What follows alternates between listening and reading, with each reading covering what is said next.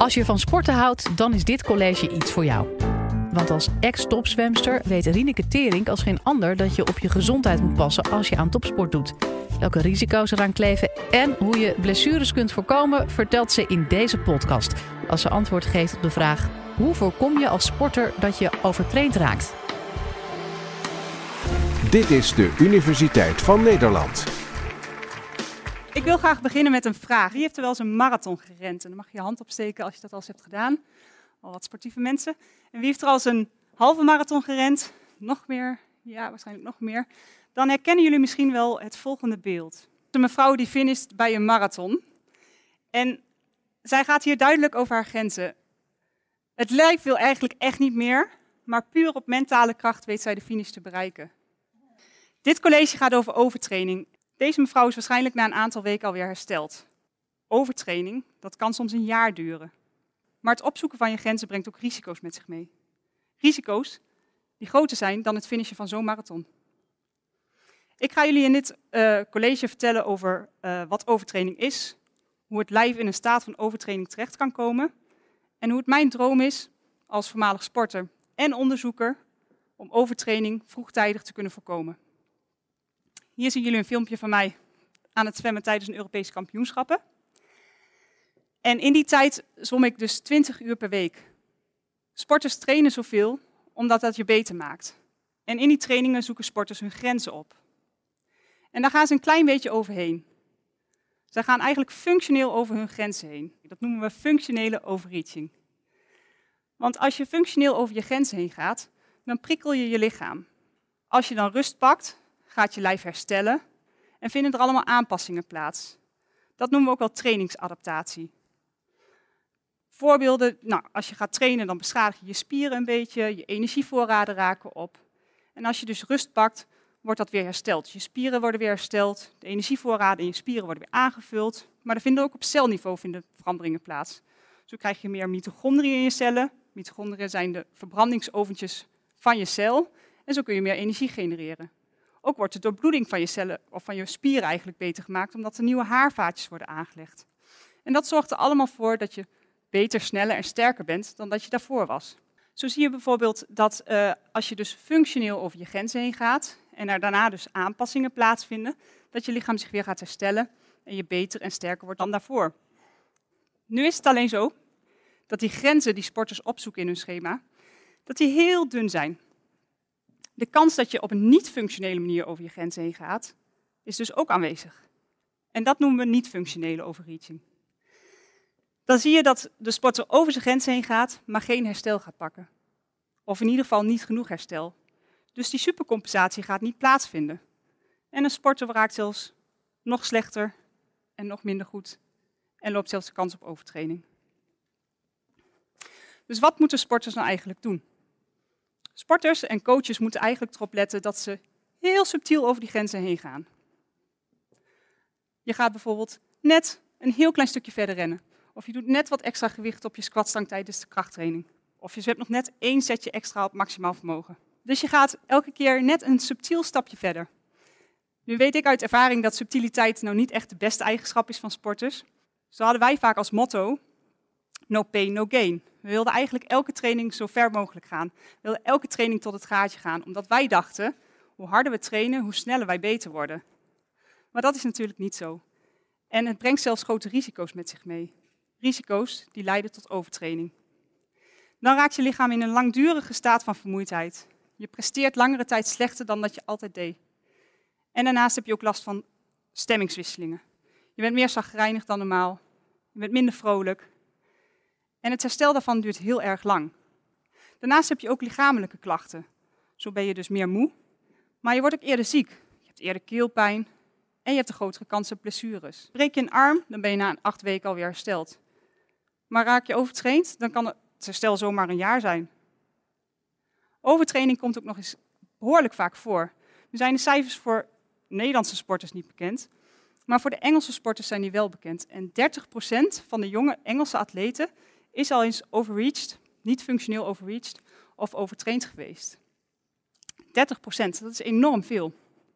Ik heb wel een bekend voorbeeld van de Nederlandse sporters die overtraind zijn geraakt. En een van die voorbeelden is uh, misschien wel ik hoop eigenlijk bij jullie allemaal bekend, uh, Jorien Temors. Shorttrackster en schaatster Jorien Temors. Ik weet nog dat ik in 2014 voor de tv te ja, zat te kijken naar de Olympische Spelen. En in Sochi waren die. En dat zij op haar racefiets van shorttrackstadion naar schaatsstadion heen en weer fietste. En dat ik dacht, jee, hoe krijgen ze het voor elkaar? En wat een ongelooflijk zwaar programma. En toch won ze goud op de 1500 meter. Maar het jaar daarna moest ze er helaas anderhalf jaar uit, omdat ze kampte met klachten van overreaching. En toen ze eindelijk weer een beetje fitter werd, moest ze haar trainingsschema en haar verwachtingen behoorlijk bijstellen. Nou, ik kijk eigenlijk eerst gewoon vanuit mijn stijl. Ik wil gewoon proberen eh, eerst weer uh, goed fit te worden en vanuit het fit zijn weer te kunnen uitbouwen naar uh, mooie resultaten. En tegen die tijd dat ik fit ben, dan kijk ik op de kalender wat de datum is en wat voor wedstrijden er misschien nog aan zitten te komen. En misschien is het seizoen al voorbij, dat weet ik niet. Nou, zoals jullie horen moet zij heel lang herstellen van overreaching. En nu ik erop terugkijk, heb ik er zelf ook wel eens tegen aangezeten. Maar op dat moment, als je er zo tegenaan zit, denk je als sporter niet aan overtraining. Liever zelfs niet. Je laat wel je bloed controleren, want je weet dat er iets fout is, want je presteert minder goed dan normaal. Dus je gaat kijken of je bloedarmoede hebt. Je gaat kijken of je misschien de ziekte van Vijver hebt. Maar als je dat allemaal niet hebt en er zijn verder geen verklaringen waarom je slechter presteert of waarom je wat minder vrolijk bent dan normaal, dan blijft er eigenlijk nog maar één diagnose over en dat is overtraining. Nu weet ik wel beter wat de signalementen zijn van overtraining. Maar eigenlijk wil je het natuurlijk liever helemaal voorkomen. En daar draait mijn huidige onderzoek om. Want op dit moment is de diagnose van overtraining enorm lastig. Het is echt een verzameling van allerlei testen en allerlei metingen, die allemaal losstaand geen uitsluitsel geven. Zo moest ik vroeger dus uh, logboeken invullen, ik moest mijn ochtendhartslag bijhouden, ik moest invullen hoeveel ik sliep, hoeveel ik at en ook hoe ik mij voelde. Zo moest ik elke zaterdagochtend van mijn coach een uh, invullen. Sporters onder jullie zullen wel kennen de POMS vragenlijst, oftewel de Profile of Mood States. En daarbij vul je op een schaal in hoe slecht gehumeurd, actief, opstandig of aan het eind van mijn krachten je bent. Als ik dat op zaterdag niet had ingevuld, dan kreeg ik een berichtje van mijn coach. Uh, waar blijft je POMS? Want als daarin stond dat ik niet zo vrolijk was of aan het eind van mijn krachten was, dan wist hij wel genoeg. Dan had ik of te hard getraind of niet genoeg herstel gepakt. Nou, behalve die testen kun je ook uh, lichamelijke testen gaan doen of je kunt in het bloed gaan kijken. Zo kunnen mensen in het bloed bijvoorbeeld gaan kijken naar stresshormonen. Een van die stresshormonen is cortisol. En als een sporter een te hoog cortisol heeft, kan dat een indicatie zijn dat hij overtraind is. Maar het probleem is, als een sporter langere tijd al overtraind is, zijn die cortisolwaardes waarschijnlijk weer juist veel lager. Dus op zichzelf staand heb je niks aan één cortisolmeting. Wat je ook kan doen, zijn fysieke testen. Zo kun je kijken hoe iemand presteert. Je kunt ook uh, iemands VO2 max bijvoorbeeld gaan meten. Die zwemmer zwemt met een slang op zijn gezicht en daarin zit een sensor. In die sensor uh, wordt gemeten hoeveel zuurstofopname je hebt en hoeveel koolstofdioxide uitademing je hebt. En zo wordt je VO2 max berekend. Dat zegt iets over je algehele conditie. En het kan niet zeggen van of je beter of slechter met je gaat. Maar op zichzelf staand geeft ook deze test weer geen uitsluitsel. Dus wij dachten bij de Universiteit van Wageningen, dat moet toch anders kunnen? En daar draait mijn huidige onderzoek om. Dus ik ben van de topsport overgestapt naar de onderzoek in de topsport. En ik ga kijken of ik overtraining al in een eerder stadium kan aantonen. Dus eigenlijk in de fase van het niet-functionele overreachen. Hoe ga ik dat doen?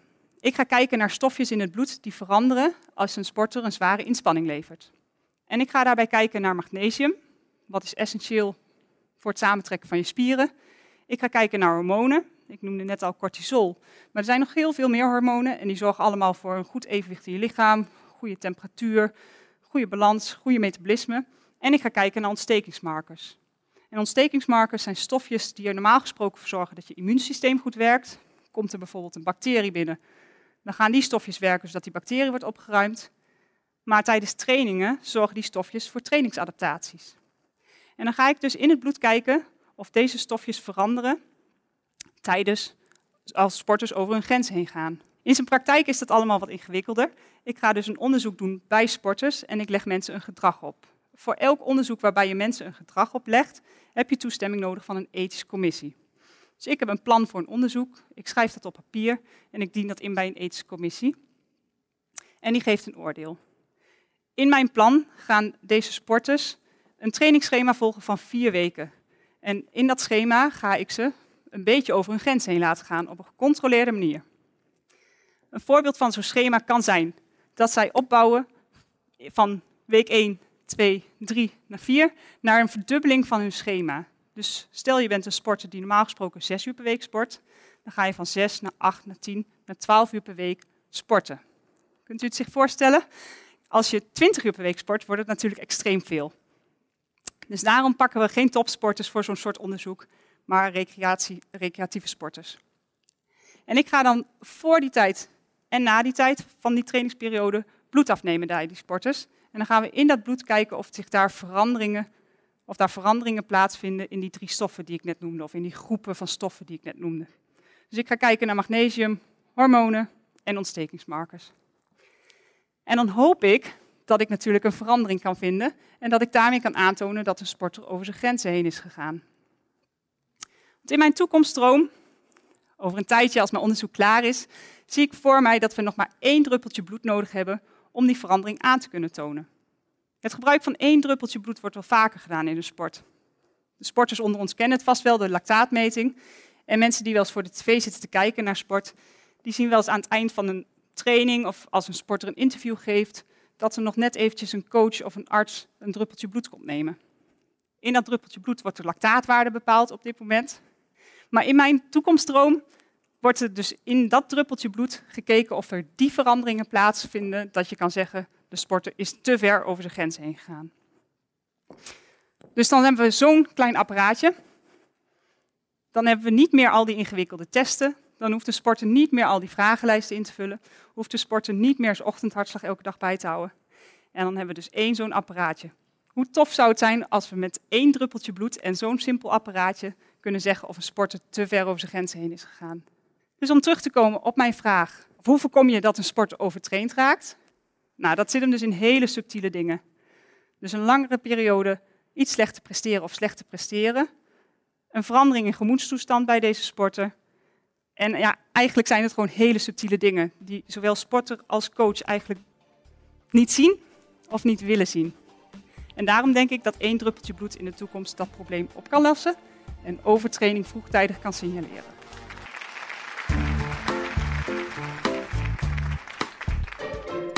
Dit was de Universiteit van Nederland. Wil je nou nog meer afleveringen beluisteren? Check dan de hele playlist en ontdek het antwoord op vele andere vragen.